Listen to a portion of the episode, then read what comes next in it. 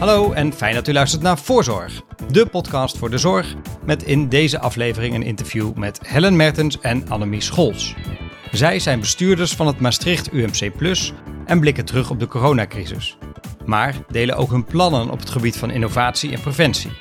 Ze gaan bovendien in op de stroomuitval en medische calamiteit, waardoor in hun ziekenhuis twee patiënten overleden.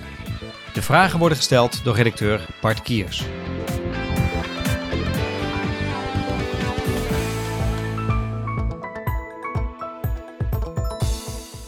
Welkom. Ehm, Helen, ik zag dat jij in een interview zei dat je de mooiste baan hebt die, die er is. Maar er zit ook een schaduwzijde aan vast. Dat merkte je toen er in jullie ziekenhuis uh, in april een medische complicatie was waarbij twee mensen over, overleden, mogelijk doordat de stroom is uh, uitgevallen. Kun je vertellen wat er gebeurd is? Ja, zeker. Wij zijn in de nacht van 29 naar 30 april uh, geconfronteerd met een hele ernstige calamiteit op een van onze verpleegafdelingen. Er was sprake van een tijdelijke stroomuitval, waardoor de extra zuurstoftoediening van een aantal, voor een aantal patiënten niet beschikbaar was. Dat is natuurlijk heel naar. Twee patiënten zijn uh, korte tijd daarna overleden. En um, nou, dat stelt je natuurlijk voor een hele hoop vragen van wat is er precies gebeurd. En onze gedachten gaan natuurlijk allereerst uit naar de nabestaanden. Um, op het moment dat zoiets gebeurt. Maar onze gedachten gaan daarbij natuurlijk ook uit naar onze medewerkers. Want uh, ook dat heeft behoorlijk impact als je dat gebeurt. En ook zeker als dit uh, vervolgens in de media komt en er allerlei mensen iets vinden van de zorg en van de kwaliteit en van de media. En uh, dat komt natuurlijk op een moment waarin het onderzoek nog niet is afgerond. Wij doen uitgebreid onderzoek. De onderste het... steen moest bovenkomen, zei wij in persconferentie. Ja, wij doen onderzoek naar het medisch handelen, maar ook naar de techniek natuurlijk en naar de stroomvoorziening en naar de apparatuur. Het is nog steeds niet duidelijk waar het van komt, omdat dat onderzoek nog loopt. Maar we hebben vanaf het begin af aan daar natuurlijk heel transparant over willen communiceren, want het is verschrikkelijk dat je dit gebeurt. Verschrikkelijk voor de nabestaanden, verschrikkelijk voor de medewerkers. Dus uh, die onderzoeken lopen en we gaan ook straks, op het moment dat bekend is waar dit aan licht aan gelegen heeft en hoe dit zo heeft kunnen gebeuren, gaan we daar opnieuw transparant over communiceren. Maar daarvoor moeten we eerst die onderzoeken afwachten. Als er zoiets gebeurt in je ziekenhuis, wat doet dat met je als bestuurder? Lig je daar wakker van? Ja, dat is verschrikkelijk naar. We zijn natuurlijk hier om met z'n allen, met heel ons hart, de best mogelijke zorg te verlenen.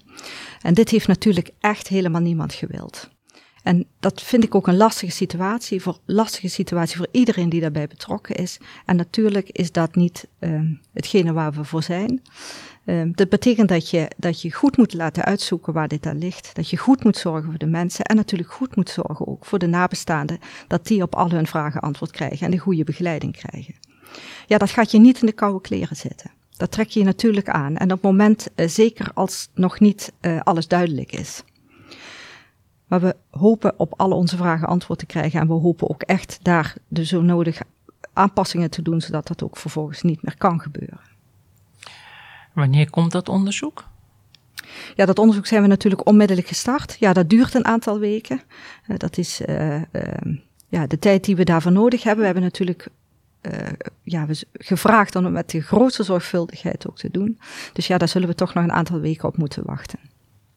Je bent aangetreden toen als nieuwe voorzitter van de Raad van Bestuur midden in de coronacrisis. Het was weliswaar net in een periode dat het ietsje rustiger was, maar het, de tweede golf diende zich toen al aan.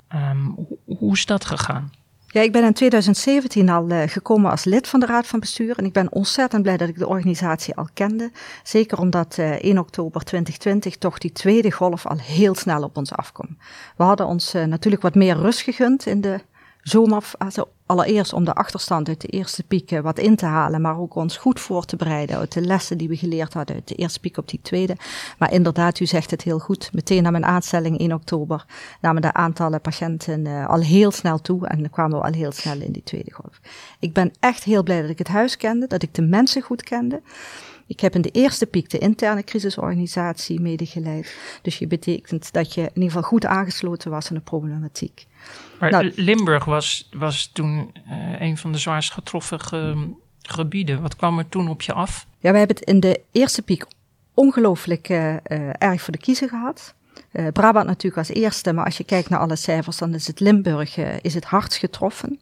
Dat betekent een behoorlijke achterstand op de reguliere zorg, die je eigenlijk probeert in te halen in de periode waarin die tweede piek zich al aandiende. Um, en vervolgens uh, kom je in de tweede piek. Je hebt natuurlijk een aantal apparatuur bijvoorbeeld wel uitgebreid, maar op het opleiden van mensen kost gewoon meer tijd. Dus je gaat opnieuw een beroep doen op mensen uh, uit bijvoorbeeld die acute zorg. Dus uh, nou, je moet goed zorgen voor je personeel. We hebben uh, taakdifferentiatie heel snel toegepast om te zien dat we die mensen ook ondersteunen. Wat, wat, wat, kun je de, wat houdt dat precies in, die taakdifferentiatie? Hoe, hoe, hoe, hoe hebben jullie dat gedaan? Als je kijkt in die, in die coronapandemie hadden wij al heel snel veel meer IC-bedden nodig dan de capaciteit die we hebben. En een IC-bed is geen IC-bed als er geen dedicated verpleegkundige naast staat. Daar heb je er onvoldoende van als je het aantal bedden heel snel moet uitbreiden. Dus wat we gedaan hebben, is, het, uh, is eigenlijk een, een, mix gemaakt van personeel rondom zo'n intensive care bed, zodat de opgeleide IC-verpleegkundige zich echt kon bezig met het houden met de taken die daarvoor uh, nodig waren. En alle andere ondersteunende taken hebben we geprobeerd weg te halen, zodat je ook daar ondersteuning krijgt en die verpleegkundige hulp biedt. Oké. Okay. Is dat iets wat ook een les is van de coronacrisis? Dat je op die manier dat je daarmee door kunt? Ja, ik denk als je kijkt naar de uitdagingen, ook in Limburg, met de dubbele vergrijzing. Limburg is een regio um, waar ook uh, tekorten uh, worden voorspeld van zorgpersoneel. Dus dit was een thema. Hoe kun je nou met wat minder mensen meer zorg leveren aan meer mensen? die dat nodig hebben, dan was zeker taakdifferentiatie van tevoren ook wel een belangrijk thema voor ons. Maar de coronacrisis heeft al duidelijk gemaakt dat we dat veel sneller moesten invoeren op speciale plekken, hè, zoals bijvoorbeeld die intensive care, waar dat echt hard nodig was, om daarmee meer IC-capaciteit beschikbaar te hebben. Oké. Okay. Um, Annemie, um, betekent dat dat je anders moet opleiden ook daardoor? Um, ja, misschien even om mezelf te introduceren. Ik ben ook in het midden van de coronacrisis begonnen als decaan van de, mm -hmm. de faculteit en vicevoorzitter van de Raad van Bestuur van het UMC. Uh, het is belangrijk dat we met een universitair medisch centrum te maken hebben. Dat betekent dus dat heel veel van de medisch specialisten ook nog taken hebben natuurlijk uh, in onderwijs en onderzoek.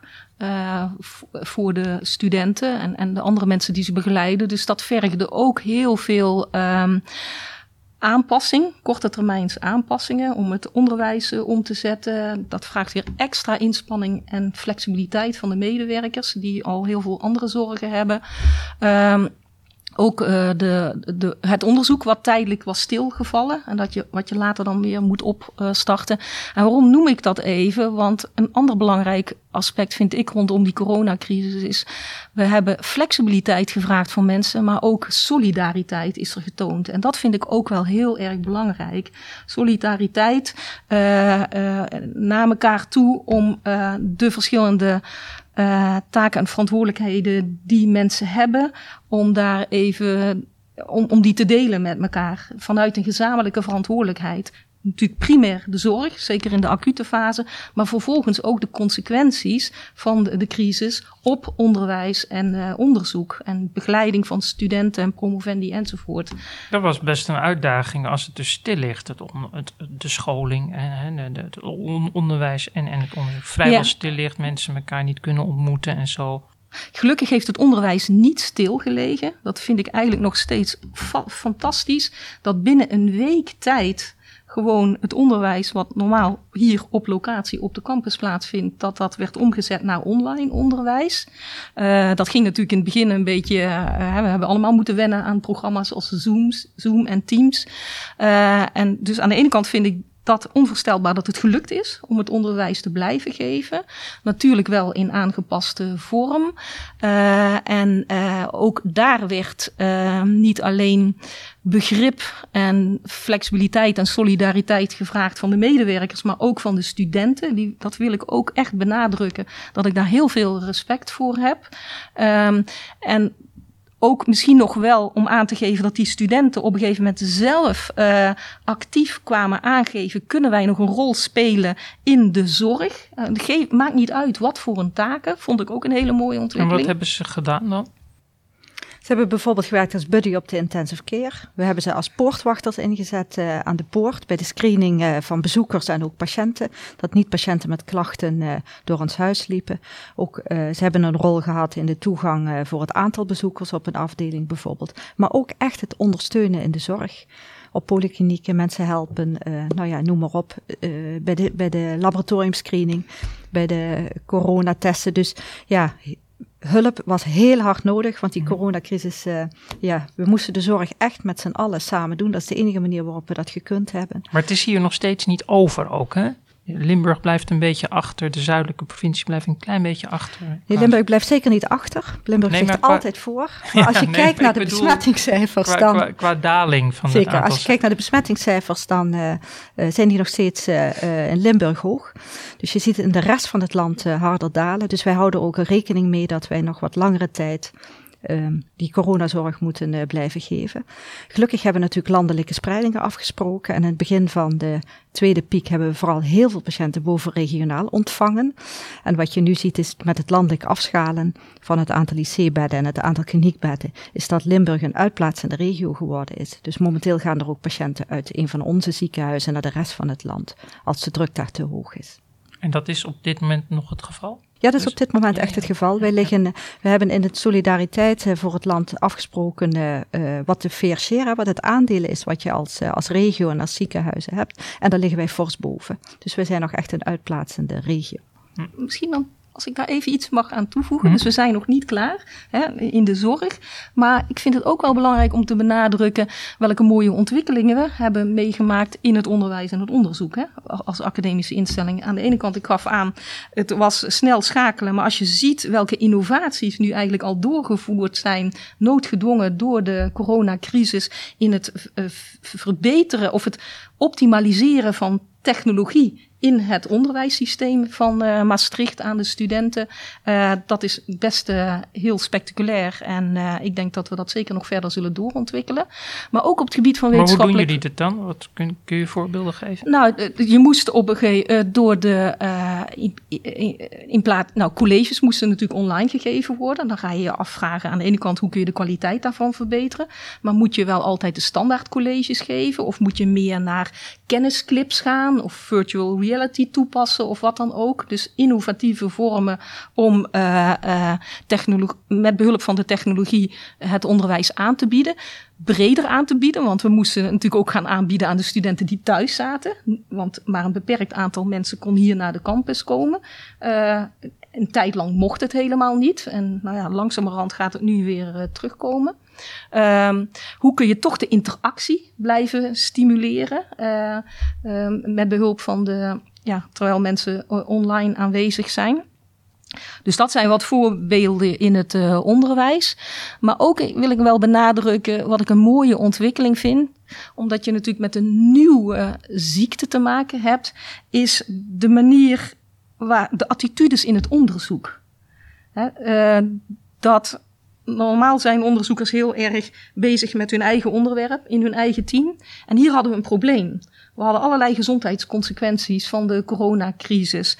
En hoe gaan we dat oppakken? En het, eh, de bereidwilligheid om dat gezamenlijk op te uh, pakken. Om over de disciplines heen met elkaar te praten van wat zijn nou de problemen. Wij vinden dat we hier aandacht aan moeten besteden uh, in Maastricht. hoe gaan we dat doen? Hoe gaan we krachten bundelen? Hoe gaan we gegevens delen met elkaar? En dat zien we in Maastricht, maar dat zien we ook landelijk. En dat vind ik een fantastische ontwikkeling, uh, uh, om, uh, wat ook uiteindelijk ten goede komt aan het kwaliteit, de kwaliteit van onderzoek en onderwijs. En daardoor ook de impact op de gezondheidszorg. Ja, want met alle ellende die die crisis natuurlijk gebracht heeft, heeft het ons ontzettend veel geleerd. En wat je ook wat zijn de belangrijkste lessen als je ze heel kort samenvat? Nou, een van de lessen die Annemie noemt is samenwerken. Hoe belangrijk is dat nou? En dat brengt ons denk ik ook al bij de uitdaging die we in deze regio hebben. In Limburg is toch een hele bijzondere omgeving. Twee verschillende buitenlanden heel dichtbij. Maar als je kijkt naar bijvoorbeeld de grond, gezondheidstoestand in Limburg, dan blijft die achter ten opzichte van eh, de rest van Nederland. De levensverwachting is lager. Er zijn uh, zeer veel uh, regionale en lokale verschillen. Het maakt soms echt wel uit in welke wijk je woont. In gezondheidsverschillen, ook de beleving van gezondheid. Hoe, hoe fit voel je je nu zelf? En dat heeft gemaakt dat wij uh, met een hele hoop stakeholders uh, met elkaar gekeken hebben naar die probleemstelling. En we hebben met hen de kennis- en innovatieagenda opgesteld. Waarin we gezegd hebben, nou goed, wetende wat in Limburg speelt, ik noemde al de dubbele vergrijzing, de gezondheidstoestand. En willen we nou echt iets doen aan die gezondheid in onze regio, dan zullen we dat samen moeten doen. Dat kun je als zorginstelling of als universiteit kun je dat niet alleen. Dan heb je al je stakeholders nodig. Dus wij zijn een aantal uh, uh, jaren geleden bij elkaar gekomen om met elkaar een kennis- en innovatieagenda met elkaar op te stellen. Ook naar aanleiding van de opdracht van uh, toenmalige minister Bruins. Om te zeggen, nou goed, UMC's neem nou een regierol in de regio hè, als we het hebben over gezondheid. En we hebben met heel veel soorten stakeholders aan tafel de vier belangrijkste punten uh, benoemd in die kennis- en innovatieagenda. En we hebben ook echt met z'n allen. Wat zijn die vier belangrijkste punten? Hoe, uh, hoe, kunnen we daar nou samen wat aan doen? Nou, een van de thema's noemde ik al, dat was de dubbele vergrijzing. Dus een van de, van de vragen die we gemaakt hebben is kwetsbare ouderen. Daar moeten we echt iets aan doen, in, in, want anders lopen we knel met de capaciteit en met de zorg. Dus dat was een belangrijk thema voor ons. Daarnaast de gezondheidsverschillen noemde ik ook al iets van. Dus ook dat uh, is een thema waarvan we gezegd hebben, hoe kunnen we dat nou doen? We hebben onderzoeken in de wijk bijvoorbeeld uh, gedaan. En als je nou kijkt, dan is in uh, sommige achterstandswijken zijn er gezinnen die hebben wel 10, 12 zorgverleners.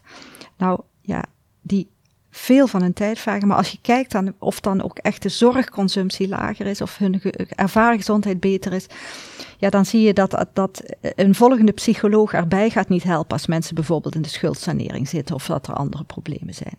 Dus we hebben met elkaar gezegd, welke data hebben wij nou nodig hè, over die, die verschillende wijken? Wat zijn de gezondheidsverschillen? Hoe kunnen we dat nou echt doen? Dat, um, nou ja, dat levert wel wat op en dan heb je dus ook echt de verschillende mensen aan tafel. Want hoe gaan jullie, dat lijkt me zo ontzettend moeilijk, die gezondheidsverschillen ja. terugbrengen. Hoe, ja. hoe gaan jullie dat doen? Nou, misschien ook even in algemene zin het proces van die kennis- en innovatieagenda kan toelichten. Uh, dus aan de ene kant uh, was er een opdracht aan de universitaire medische centra. Elk UMC heeft dat op zijn eigen manier opgepakt. Wij hebben gezegd, wij willen toch breed voor de regio wat uh, betekenen. het is ook echt bottom-up aangepakt. Dus alle stakeholders zijn eigenlijk geconsulteerd en met elkaar in gesprek gegaan van burgers, patiënten, ehm, verzekeraars, uh, medisch specialisten enzovoort enzovoort. Die hebben toen met elkaar uh, gezegd, um, er zijn eigenlijk vier onderdelen waar we aandacht aan moeten besteden. Um, wacht even, deze moet ik even uitzetten.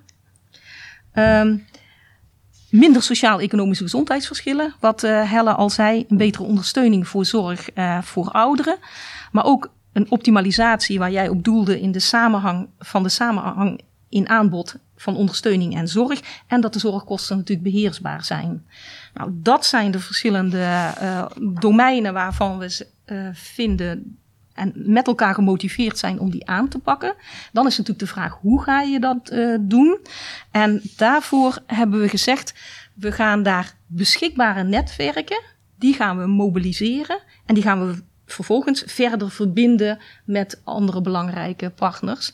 En wat uh, heel goed ontwikkeld is in onze regio, dat zijn eigenlijk de zogenaamde academische werkplaatsen. Dat zijn eigenlijk een soort uh, levende laboratoria, waarbij uh, rondom bepaalde thema's, we hebben er een, een aantal uh, die relevant zijn. Publieke gezondheid. We hebben uh, uh, ouderenzorg, de academische werkplaats voor ouderenzorg. En de academische werkplaats duurzame zorg. En dat zijn eigenlijk al natuurlijke samenwerkingsverbanden tussen wetenschappers, mensen in de kliniek, maar ook in relevante andere instellingen, gezond, gezondheidszorginstellingen, GGD's en dergelijke, die al um, met elkaar samenwerken. Dus dat is een samenwerking van wetenschappers en mensen die echt met de voeten in de klei staan. Uh, die hebben al een hele mooie traditie van prachtige projecten die gezamenlijk vormgegeven zijn in de regio. Die gaan met elkaar kijken uh, hoe kunnen we een aantal van deze thema's oppakken. Maar wat ook belangrijk is, is dat ze dat niet iedereen kan aansluiten. Het is, het is een open netwerk, zal ik maar zeggen. maar als je niet wil, dan hoef je dus niet mee te doen. Als je niet wil, hoef je niet mee te dus doen. Maar dus- als je graag wil, ja. word je van harte uitgenodigd om mee te doen. En wat ook wel belangrijk is, is dat die academische werkplaatsen, dat is denk ik vooral een netwerk in het medische domein. En we zien dat we voor een aantal van deze uh, vragen ook het sociale domein goed moeten betrekken. Dus daar is het nog van belang dat je natuurlijk ook gewoon uh, die verbinding optimaal met elkaar maakt. En eigenlijk uh, nu zijn we bezig om met elkaar die netwerken te versterken. En dan vervolgens natuurlijk ook te kijken welke onderzoeksvragen, concrete onderzoeksvragen we oppakken, zodat je ook op korte termijn gewoon resultaten ziet van uh, die, uh, deze exercitie. En natuurlijk speelt daar ook bij van hoe kunnen we daarvoor natuurlijk financiering vinden om dat verder uit te voeren. Nu zijn er in Limburg al diverse initiatieven geweest de afgelopen twintig jaar om de regio om de gezonder te maken, zonder dat ze heel veel effect hebben, lijkt het wel. Als je naar de cijfers kijkt, behoort Limburg nog steeds tot een van de ongezondste regio's. Ja, we hebben natuurlijk nog een grote dus wie gaat dan zeggen dat dit initiatief wel gaat helpen? Eén, ik denk niet dat je kan zeggen dat het geen effect heeft. Ik denk dat die, die uh, activiteiten die zijn geweest, dat die wel degelijk effect hebben gehad. Maar, maar desondanks, de desondanks blijft Limburg nog wel achter ten opzichte de rest van Nederland. Dus dat vind ik wel even van uh, belang. En betekent dat dat we hier nog harder moeten en willen trekken daaraan. Het is een ambitie natuurlijk van de lange adem. Hè? We hebben uh, op allerlei generaties uh, allerlei projecten en onderzoeken. Dat begint, begint al uh, projecten rondom de zwangerschap. Hè? Mother Fit bijvoorbeeld. Hè? Hoe, hoe zorg je dat dat fit gaat? We hebben de projecten van de gezonde basisschool. Met ontbijt en eten en bewegen. Nou, en, en zo kun je alle generaties kun je opnoemen. Maar dat is natuurlijk zo'n belangrijk thema. Dat hebben we niet ehm, met één of twee interventies uh, de gezondheid en de levensverwachting in Limburg zomaar omhoog. Dus dat betekent dat je op al die projecten moet inzetten. Je moet die projecten beoordelen. En daar ben ik het met Annemie eens. Dan ben ik helemaal niet somber over de resultaten. Ja, dan hebben we echt belangrijke resultaten geboekt. Maar eer we dan ook zien dat die levensverwachting echt op in. Ja, dat, dat is. Uh, uh, iets van de komende als, jaren. Als je bijvoorbeeld kijkt naar de cijfers voor suikerziekte of hart- en vaatziekten, dat komt hier aanzienlijk vaker voor dan in andere gebieden van uh, Nederland. Er zijn een aantal gebieden, Oost-Groningen ook, en die er qua gezondheid van de bevolking slecht uitspringen. En nou, wordt Limburg ook bij nou ja, het is bepaalde delen van Limburg. Er zijn twee dingen, denk ik. Aan de ene kant zijn er gewoon heel veel concrete initiatieven om problemen op te pakken met elkaar in de wijken, in, in bepaalde regio's of wat dan ook. Eigenlijk wat Helen noemt. Aan de andere kant klopt het dat het zeker belangrijk is om beter te begrijpen waarom sommige gezondheidsverschillen, zelfs in Nederland, waar de gezondheidsstatus overal natuurlijk best hoog is hè, ten opzichte van de andere landen, waarom die er zijn. En dat is een combinatie waarschijnlijk van genetische gevoeligheid, omgevingsfactoren en leefstijl. En dan is het inderdaad uh, leefstijl, bewegen, is voeding, maar ook de kwaliteit van de lucht weten we nog steeds niet. Uh, de en, historie met de mijnen, er zijn natuurlijk heel veel chronische aandoeningen hier. Nou, u noemde zelf al het Burgondische zuiden. Hè. Het zitten is het nieuwe roken, is wel eens geroepen. Dus er zijn allerlei onderzoeken. En wat we die een aantal vragen moeten gaan beantwoorden. En vervolgens voelen wij ons natuurlijk vooral verantwoordelijk voor kennisdeling. Het is ook belangrijk dat we die kennis delen, maar ook met de burger. Want leefstijl pas je toch echt als burger zelf het beste aan. dus het betekent uitleggen, kennisdeling, vervolgens aanpassen van leefstijl. En dat heeft gewoon zijn tijd nodig. Ja, en kennisontwikkelingen. En ik denk dat we daar toch wel in onze regio als uh, Maastricht UMC, eh, en niet alleen in de regio, voor de regio, maar ook breder, nationaal en internationaal, heel veel te bieden hebben. Want uh, we hebben natuurlijk een faculteit waarin we de domeinen van gezondheid, gezondheidswetenschappen, geneeskunde en levenswetenschappen al geïntegreerd hebben. Dus we hebben die expertise hebben we beschikbaar. En een heel aantal uh, interventies die ook landelijk al uh, geïmplementeerd zijn, zijn eigenlijk ontwikkeld hier vanuit ons uh, Kun je voorbeelden geven? De gecombineerde leefstijlinterventie, die nu zo uh, actueel is. Hè? Het concept van leefstijlgeneeskunde, uh, wat uh, in eerste instantie nu is opgezet in, voor de aanpak van obesitas en diabetes.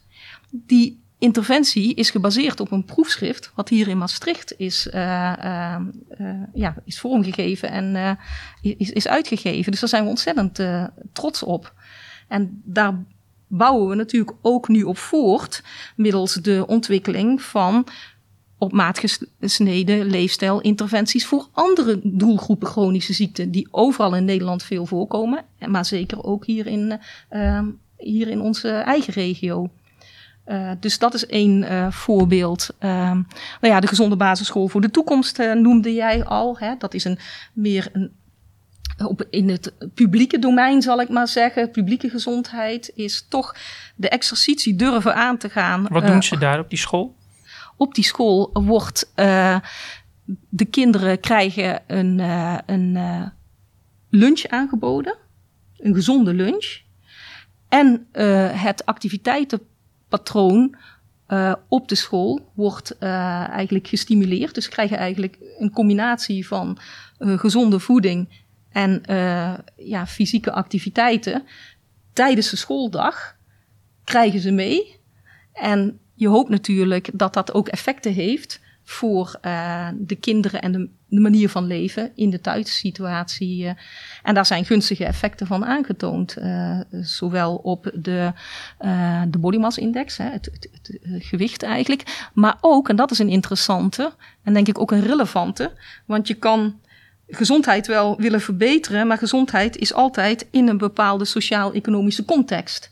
En een mooie bijvangst van dat project van de gezonde basisschool voor de toekomst was dat er minder pestgedrag was op de scholen. Dus het gedrag van de kinderen uh, veranderde.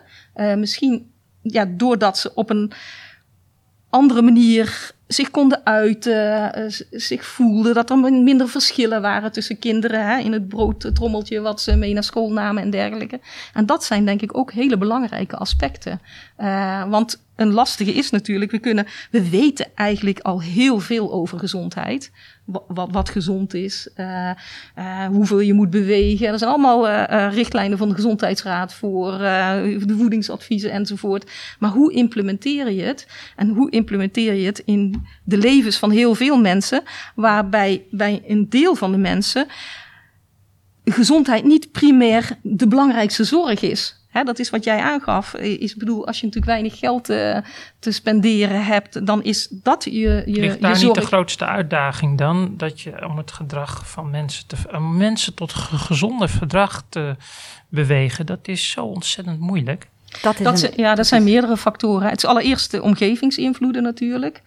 hoe, hoe kunnen we stimuleren dat mensen, als ze naar de winkel gaan, dat ze natuurlijk uh, niet te kostbare gezonde voeding uh, kunnen krijgen. Hoe kun je de omgeving veranderen dat het natuurlijker is dat je gaat bewegen? Nou, de lockdown is natuurlijk een dramatisch voorbeeld van waarin we allemaal uh, thuis zaten en eigenlijk niet konden bewegen, met de gezondheidsconsequenties van dien. Ook voor kinderen hier uh, vanuit Maastricht in kaart gebracht. Maar dat is de omgeving dan natuurlijk. Vervolgens is het kennis. dat mensen ook weten wat uh, wat gezond is. Want we gaan er heel vaak van uit dat dat kennisniveau dat dat er is. Maar dat valt nog enorm tegen. Ook wel bij soms bij hoger opgeleiden. Uh, en het is natuurlijk, ja, dan komen ook aspecten van motivatie. Hoe stimuleer je iemand om een gezondere leefwijze te hebben.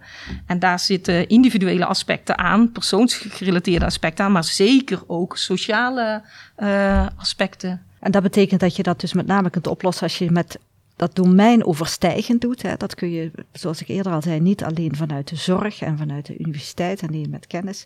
Dus dat betekent dat je ook andere domeinen aan tafel moet hebben. En dat komt dus heel mooi samen in die kennis- en innovatieagenda, waarin je al die andere partijen, van ondernemers tot, uh, tot, uh, tot kennisinstellingen, tot, nou ja, noem maar op, provincie, iedereen zit aan tafel. En dat uh, maakt ook dat je met elkaar kunt zeggen, hoe zetten we daar de schouders onder en hoe lossen we dit op? Als je naar domeinoverstijgende samenwerking kijkt, dan blijkt dat de financiering vaak een, een, een enorm struikelblok is. Uh, partijen die investeren in het ene domein, uh, die, die zien hun investeringen niet terug. Die liggen dan weer bij iemand anders. Zie je daar uh, oplossingen voor? Ja, die versnippering van financiering is vaak uh, de hinderpaal om, uh, om vaak echt interventies goed met elkaar op te lossen. Wat ik wel merk is op het moment dat je het gesprek daarover hebt, dan blijkt er toch heel veel mogelijk. Want we hebben iedereen, of het nou de zorgverzekeraars zijn, of het nou de gemeentes zijn met een financiering, iedereen ziet wel dat als je in je eigen pijler blijft, je een aantal zaken niet opgelost krijgt. Dus dat is ook een van de, van de vier thema's uit de kennis- en innovatieagenda. En als ik kijk welke ervaringen we hebben, zijn er echt hele mooie initiatieven. De anderhalve lijnzorg bijvoorbeeld die neergezet is, maar ook de Mantelacademie. Um, maar daar zijn er ook, en die zijn natuurlijk heel erg zorggerelateerd, maar ook allerlei andere initiatieven die we nemen.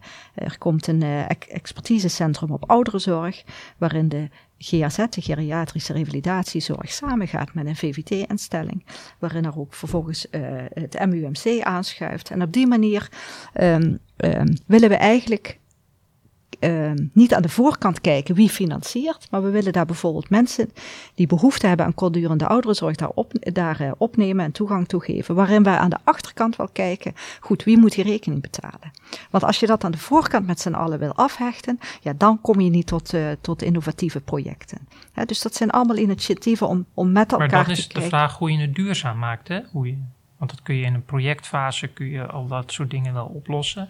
Maar hoe, maak je het dan duurzaam? Ja, maar ik denk dat die projecten ook vooral zijn om ervan te leren en er vooral veel inzicht te krijgen. En ik vind ook echt dat er nu veel meer bereidheid is van alle partijen en alle financiers, welke dan ook zijn, om te kijken hoe kun je dit samen doen. En daar heeft de corona natuurlijk ook aan bijgedragen, die coronacrisis. Want ook dat heeft laten zien dat je een aantal zaken samen moet doen. De financiering van de zorg nu, van de inhaalzorg, hoe doe je dat met elkaar? Nou, ik denk dat die hele marktwerking daar, in de, zeker in deze tijd, heeft laten zien dat we het veel meer moeten hebben van samenwerken. Om de capaciteit zo goed mogelijk te, be, uh, te benutten. Maar denk je niet dat als de coronacrisis een beetje weg hebt, uh, dat dan het eigen belang weer terugkomt? En dat dus, uh, ja, ik denk dat dit een van de belangrijke lessen is uit de crisis. Hè? Hoe belangrijk is samenwerking en hoe gaan we dat doen? En natuurlijk is het zo, we hebben na de eerste piek ook gezien dat het politieke gedrag natuurlijk dan ook wel weer heel snel terugkomt. Maar ik denk de winst die we wel met elkaar geboekt hebben en het inzicht dat je een aantal dingen gewoon echt heel veel beter samen kunt. Um, en dat zijn patiënten genoeg. Als je kijkt naar de zorgvraag die er de komende jaren is, ook met de veroudering van de populatie, hoeven we echt niet bang te zijn dat er te weinig patiënten zijn. Maar de vraag is, hoe kunnen we met de middelen die we hebben nu zoveel mogelijk mensen helpen? En dan kom je toch weer op dat plek dat je gewoon goed moet nadenken. Welke zorg moet op de juiste plek? En wat is de juiste plek en door welke mensen? Uh, kan dat het best voor zo. En dan moet je elkaar ook iets gunnen. Dan moet je zorg verplaatsen, dan moet je zorg samen doen. Dan moet je met financiers om tafel om over, die versnipperde financiering te spreken. En ik heb de indruk dat, uh, nou, de COVID heeft ons echt, denk ik, meer inzicht verschaft daarin. De bereidwilligheid is er. Maar ik vind eigenlijk ook nog wel het inzicht.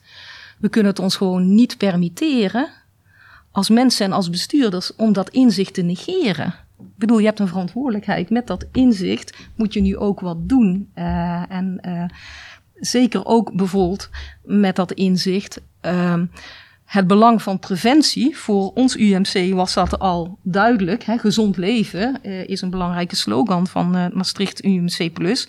Nou ja, de, de coronacrisis heeft alleen maar aangegeven hoe belangrijk dat is om aandacht te besteden aan uh, uh, preventie en uh, gezond leven, gezondheidsbevordering. Dus voor ons is het eerder nog een verdere motivatie om dat verder op te pakken en uh, uit te dragen. En je ziet nu ook, en dan is het natuurlijk ook, denk ik, het momentum benutten. En met elkaar. Maar kan dat binnen, binnen de contouren van het huidige stelsel? Of heb je daar een ander stelsel voor nodig?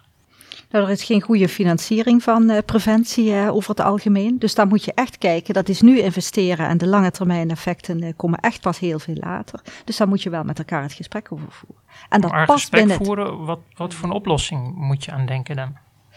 Um, uh, je moet denk ik met de, de financiers vooral kijken naar uh, wat levert je op. Nou, ik noemde bijvoorbeeld die mantelzorgacademie. Mantelzorgacademie, uh, nou ja, de naam zegt het al een beetje. Daarin leiden we mantelzorgers en patiënten op voor het doen van nou, medische en verpleegkundige, bijvoorbeeld handelingen, spuiten zetten, zwachtelen, dat soort zaken. Um, eerder was het vaak een reden om patiënten langer in een ziekenhuis te houden. Wat je nu ziet is dat op het moment dat je mensen opleidt, hè, mantelzorgers of de patiënt zelf, mensen eerder naar huis kunnen, e eerder de regie over hun eigen nou ja, leven weer kunnen oppakken. En behoudens het feit dat je daarmee capaciteit in het ziekenhuis vrij speelt, die je weer kunt benutten voor anderen, is het ook zo dat als je kijkt naar de gezondheidsbeleving en de positieve uh, uh, gezondheid zeg maar, van die mensen, dat je die echt een dienst bewijst. Op het moment dat ze zelf weer regie hebben en niet hoeven te wachten tot of heel vroeg of heel laat op de dag iemand komt wachten of iemand dat spuitje komt zetten. Ze kunnen zelf weer uh, hun eigen plan maken. Ja, dat doet iets aan kwaliteit van leven. Hebben jullie al die veel patiënten opgeleid? ja, die mantelzorgacademie was niet gefinancierd. Mm -hmm. dus, dus ja, waarmee, waarmee betaal je dat dan? Terwijl we wel um, eh, de overtuiging hadden dat dit ons echt gaat helpen. En aan de capaciteit aan het ziekenhuis, maar dat je ook echt iets doet aan de kwaliteit van leven van die mensen. Nou, dan, dan start je daarmee. Uh, en vervolgens blijkt nu dat die zorgverzekeraars zegt van nou, we zien wel de positieve effecten. We zien sneller ontslag uit dat, uit dat dure ziekenhuis. We zien uh, de zorgconsumptie ook naar huisartsen, ook naar een thuiszorgorganisatie afnemen. Die hebben zich inmiddels bereid verklaard om mee te financieren daaraan. Dus soms moet je ook gewoon toch maar even zelf het initiatief nemen, de kosten dragen, om uiteindelijk het positieve effect te kunnen laten zien. En dan is er natuurlijk alle ruimte om daar ook voor financiering te zorgen. Okay, en, hebben jullie veel mantelzorgers opgeleid al daarvoor? Ja, we hebben ontzettend veel mantelzorgers opgeleid. En uh, dit was een initiatief dat al Hoeveel? twee jaar liep voor de coronacrisis. Moet ik aan tientallen denken dan? Of, of nee, honderden? Die, uh, honderden. Oh, okay. we hebben echt verpleegkundigen daar uh, op allerlei vlakken opgeleid. En ook in de coronacrisis, toen de thuiszorg behoorlijk onder druk stond, de VVT-instelling en die capaciteit onder druk was, ja, waren we maar wat blij. En werd het dat we die mantelzorgacademie hadden. En juist in die tijd uh, hebben we nog eens extra mensen natuurlijk opgeleid. Ook uh, uh, nou, in allerlei, ja, zeg maar min of meer eenvoudige medische en verpleegkundige handelingen. En wat ik wel wil benadrukken is juist dat ook het zorgvuldig onderzoeken en evalueren van de effecten van dit soort uh, uh, interventies of dit soort creatieve oplossingen in zekere zin enorm waardevol is natuurlijk. Want daarmee kan je natuurlijk ook goede uh, evidentie aantonen van initiatieven. En hoop je ook dat dat uiteindelijk helpt aan het overtuigen van zorgverzekeraars of de overheid of wat dan ook om in, ja, in die richting ook te schuiven en financiering mogelijk te maken. Ja, wat ons daarbij ook helpt is dat we natuurlijk een heel bijzonder UMC zijn. We zijn het enige UMC in Nederland met geen streekziekenhuis in de stad. En dat betekent dat je op de anderhalf, op de tweede en op de derde lijn zorg meteen het onderzoek allemaal in eigen hand hebt. En waarbij je ook kunt nadenken met elkaar, wat kan ik makkelijk verplaatsen? Hè? Bijvoorbeeld tweede lijn zorg naar anderhalve lijn zorg. En vervolgens niet alleen verplaatsen, maar ook onmiddellijk evalueren. We zijn natuurlijk met elkaar uh, ook verplicht om alle nieuwe zorgmodellen kritisch te beschouwen en daar de effecten van uh, met elkaar in kaart te brengen. En daarvoor is die samenwerking in het UMC ook zo be behulpzaam. Dus, dus, ik, dus het is wel een mooie kans dat wij alle lijn zorg zeg maar gewoon in huis hebben en uh, niet de tweede lijn zorg hoeven uit te plaatsen. Maar UMC's is wel de bedoeling dat UMC's zich richten op de, de topreferentenzorg. Hè? Zeker, we zijn en, natuurlijk... En daar is dat Ro uh, Robijn-programma voor, van, van alle UMC's samen. Daar hoor je heel erg weinig over. Um, eigenlijk, um, wat, wat doen jullie daaraan? Nou, wat wij... Uh, natuurlijk concentreren we ons op hoogcomplexe en derde lijnzorg. Dat is natuurlijk toch ook onze academische status. Maar dat laat uh, onverlet dat wij ook een zorgplicht hebben naar de mensen in deze regio. Dus wij kunnen die tweede lijn zorg niet helemaal uitplaatsen. Dat doen we wel en dan komen we weer terug op die samenwerking. Want ik denk wat aan tweede lijn zorg in omliggende ziekenhuizen kan, of wat überhaupt naar huis kan, dat is natuurlijk onze grootste ambitie. Wat niet per se in het ziekenhuis hoeft, moet je hier ook vooral niet hebben. Hè? Dat, uh, dat proberen we te verplaatsen. En natuurlijk hebben we een belangrijke derde lijn stak, maar we hebben daarnaast ook de tweede lijn en de anderhalve lijn zorg.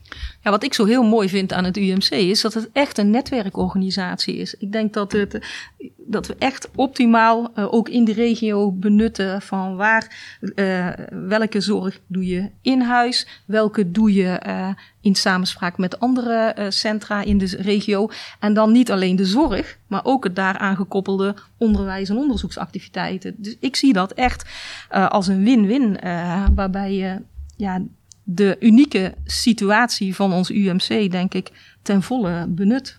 Die stadspolissen, um, wat leveren die nou op?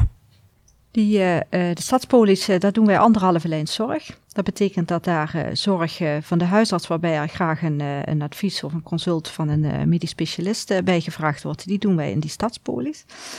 Uh, dat levert uh, in, die, in, die, zin op dat er een aantal patiënten dus niet meer naar het ziekenhuis hoeven. Die worden in de anderhalve lijns uh, stadspolie geholpen. Nou, dat is directe winst voor de patiënt, want zij zijn hun eigen risico bijvoorbeeld niet kwijt. Het is ook winst van de dokter, want er is heel veel overleg tussen huisarts en specialist. Dus je doet daar ook aan, aan kennis, kennisvermeerdering, je leidt elkaar op, waardoor er wellicht in de toekomst misschien wel voor een aantal vakken minder verwijzingen noodzakelijk zijn aantal patiënten zijn dus in die stadspolie ook geholpen en een klein percentage moet alsnog doorverwezen worden naar die tweede lijn. Maar hoe langer je dit samen doet, hoe meer dat dat natuurlijk ook leidt tot het, tot het hulp en opleiden van elkaar. En als je kijkt dan naar de financiële kant daarvan, dan kun je denken van goh, dan raken jullie patiënten kwijt aan die stadspolies.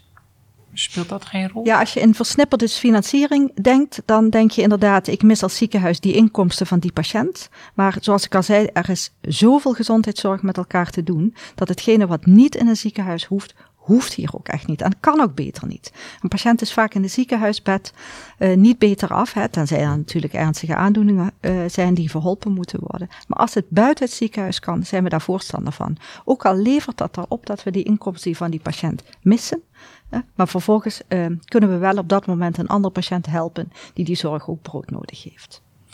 Is er iets anders uh, over de positie van een UMC in een, uh, in een regio? Um, jullie hebben te maken met een, an, met een ander ziekenhuis in de regio, het, het Zuiderland ziekenhuis, wat groter is. Als je kijkt naar de omzet dan um, jullie, is het dan niet lastig om leiding te geven aan zo'n regionale samenwerking? Ja, ik denk uh, dat wij allebei uh, een andere opdracht hebben, ook in de regio. Als uh, UMC hebben wij natuurlijk met name die hoogcomplexe zorg, maar je hebt ook een, bijvoorbeeld, nou dat werd in de crisis heel duidelijk, voorzitterschap van het regionaal overleg acute zorg. Um, ik ben daar voorzitter van. Wij spreken uh, meerdere keren per week in die coronacrisis met alle bestuurders van de ziekenhuizen. En ik denk dat het ongelooflijk krachtig is om zo'n groot ziekenhuis met twee, uh, twee grote locaties uh, in de regio te hebben, waarin we gewoon heel plezierig kunnen samenwerken. En natuurlijk schuurt dat soms in die samenwerking. Hè. Dat zal, dat zal ik zeker niet ontkennen. Ambities zijn ook groot. Hè. Wat kun je wel? Wij willen natuurlijk best heel graag met elkaar tweede lijnzorg verdelen of, of uitplaatsen. Nou, uh, het, is een, het is een heel groot SCZ-ziekenhuis met hun eigen ambities. En dat, uh, dat is ook prima. Daar zit de affiliatiehoogleraar van ons. Dus de samenwerking uh, nou, gaat goed en moet echt nog heel veel beter. Maar in de, in de crisis hebben we gezien dat dat goed gaat. Er zijn veel specialisten die oversteken. Die op beide locaties werken. Bijvoorbeeld en in Maastricht en bijvoorbeeld in Heerlen. Maar je bent zelf overgestoken natuurlijk. Je bent zelf overgestoken van het Zuiderland naar... Ja, zeker. Dus ik, ik ken ze heel goed. Ik heb er jaren met ongelooflijk veel plezier gewerkt. Ik vond het ook lastig om weg te gaan. Ik was heel loyaal. Uh, maar vervolgens uh, met name de, de opdracht die we hier hebben, ook om te werken aan die gezonde regio. Uh, dat op die manier te doen vanuit een UMC heeft me uiteindelijk wel de overstap doen maken. Maar het is plezierig dat ik er nog mensen ken. Het is, de lijnen zijn kort en dat helpt ook in de samenwerking, denk ik. Je zei net, het schuurt wel hier, hier en daar. Waar, waar schuurt het dan? Um, kijk, samenwerking um, begint voor mij meestal bottom-up. Um, dat betekent dat je uh, vaak begint dat bij de, bij de specialisten. En als je uh, specialisten in, in uh, Zuiderland hebt werken, die bijvoorbeeld elders zijn opgeleid of vandaar al samenwerkingen hebt, dan kun je je voorstellen dat, dat, dat, dat, uh, dat zij eerder naar andere locaties kijken dan naar Maastricht. Uh, nou, dat kan, weet je, daar moet je ook met elkaar respect voor hebben. Van de andere kant hebben we heel veel samenwerking, zoals het samen opleiden van co-assistenten en, en specialisten. Maar ook bijvoorbeeld, we hebben de Oncozon, de regionale samenwerking op oncologisch gebied. Een van de, van de speer van de kaders van uh, is toch dat alle patiënten in deze regio in principe de zorg krijgen binnen de regio als dat kan. Nou ja, dan probeer je dat met elkaar ook te behartigen en heb je daar soms wel eens een keer een goed gesprek over. En die poging om de laboratoria samen te voegen, eh, dat mislukte een aantal jaren terug. Gaan jullie dat weer doen? Om nu de samenwerking Ja, er zijn nu geen voornemens om de laboratoria te fuseren. Hè. Ik zie net een enorm laboratorium verrijzen uh, naast het uh, ziekenhuis in Sittard, uh, wat, wat Heerle daar bouwt. Ik denk dat de volumes voor beide laboratoria voldoende groot zijn. Ook omdat je dat niet doet voor je eigen ziekenhuis, maar ook voor, voor de regio en voor de, voor de streek, zeg maar. Die volumes zijn nu groot genoeg dat die laboratoria eigenstandig kunnen functioneren. Ik wou het nog hebben over de bestuurscultuur in, ehm, in, in um, Nederland. In Den Haag zie je dat er een, um, een, een, roep is om een nieuwe bestuurscultuur met minder trans meer transparantie, minder achterkamertjes, politiek.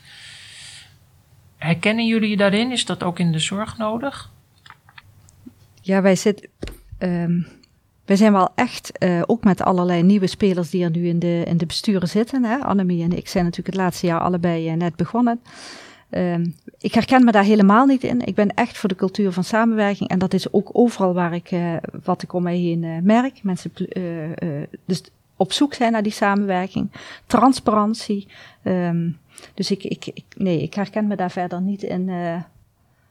Nee, ik, ik ook helemaal niet. Um, samenwerking vanuit wat je elkaar inhoudelijk te bieden hebt. En ik vind het uh, heel fijn uh, hoe wij met elkaar uh, samenwerken. Het is echt een ja, complementair qua ja, eenzelfde gedeelde visie over inhoud, maar ook over hoe je de cultuur van, van met elkaar samenwerken. En ehm, ja, dan, dan, dan dwing je die meerwaarde vanzelfsprekend af naar elkaar toe. Maar ook, denk ik, naar de, naar de partners uh, uh, naar externe partners ja, en, en naar je achterban. Ja, en ik denk dat we die samenwerking enorm benadrukken. Hè. We vragen bijvoorbeeld ook aan uh, onderzoekers om contact te maken met, uh, met zorgverleners. Hè. En dat maken, maken dat ook echt heel expliciet. Ga kijken bij elkaar in de keuken. Wat zijn de vragen die er binnen de zorg leven? Wat zijn de mogelijkheden bij onderzoeker? Maar de onderzoeker heeft ook vragen hè, waar de zorg. Dus we, we, dat is een strategisch programma verbinden van, van zorg en onderwijs en onderzoek. Waarin we heel expliciet vragen, weet je, als je hier niet bent van de samenwerking, ja, dan hoor je hier eigenlijk niet thuis. Dus die verbindingen tussen, uh, nou, uh, zorgmedewerkers, onderzoekers, uh, onderwijzers, ja, die maken we nadrukkelijk en dat vragen we ook van de mensen. En dat begint natuurlijk ja, in de bestuurskamer, maar dat moet tot in de hele organisatie doordringen. Wat me wel opviel, is dat jij in een interview zei dat je in de spreekkamer als arts een heel makkelijk en, en eerlijk en open gesprek hebt, terwijl dat in de bestuurskamer is het veel moeilijker om het, om het eerlijke ge, ge, gesprek te hebben. Kun je dat? Ja, toen ik er net met, vroeg aan mensen, uh, toen ik er net was en mensen aan mij vroegen wat is nou de grootste verandering die je merkt, heb ik daar erg aan moeten wennen. Je moet in de bestuurskamer echt op zoek naar het eerlijke gesprek. En dat is in de patiëntenkamer echt anders. als gynaecoloog doen mensen letterlijk de broek voor je uit, heb ik wel eens gezegd. Leggen echt bloot op tafel, want ze hebben een hulpvraag. Als je als um, bestuurder een gesprek hebt met het management of met mensen uit je organisatie, dan komen die mensen heel graag vertellen wat allemaal goed gaat en komen dat etaleren. En dat vind ik natuurlijk heel fijn om te horen, maar ik wil vooral ook op zoek naar mijn meerwaarde om mensen mee te coachen, om met hun de dilemma's te bespreken. Waar lig je wakker van? Wat loopt nou niet goed? Dan ben ik, vind ik, als, als bestuurder en als leider van toegevoegde waarde. Dus heel leuk, al die mooie succesverhalen. Uh, prima, moeten we ook vooral naar buiten etaleren. Maar waar wil ik nou het gesprek over voeren? En dat was wel een verandering voor een aantal mensen. Die vonden dat, ja, wacht, ik ga toch niet zeggen wat ik moeilijk vind. Of uh, dadelijk ben ik mijn baan kwijt of weet ik wat. Dus, dus dat, daar moest je, vond ik echt naar actief op zoek zeggen het is hier veilig, je kunt hier zeggen, want ik, ja, ik wil ook impact hebben. Ik wil, ik, ja, ik wil ook zorgen dat ik help. Aan tafel ben ik gekomen. En niet alleen maar om alle succesverhalen te horen. Dank jullie wel. Tot zover deze aflevering van Voorzorg. De montage was in handen van Ties Timmers en de muziek is verzorgd door Bram Brouwers. Via zorgvisie.nl en skipper.nl leest u dagelijks nieuws en achtergronden over de zorg. Wilt u automatisch op de hoogte blijven van nieuwe afleveringen van deze podcast? Dan kunt u zich abonneren in apps als Apple Podcast of Spotify. Voor nu hartelijk dank voor het luisteren en heel graag tot de volgende voorzorg.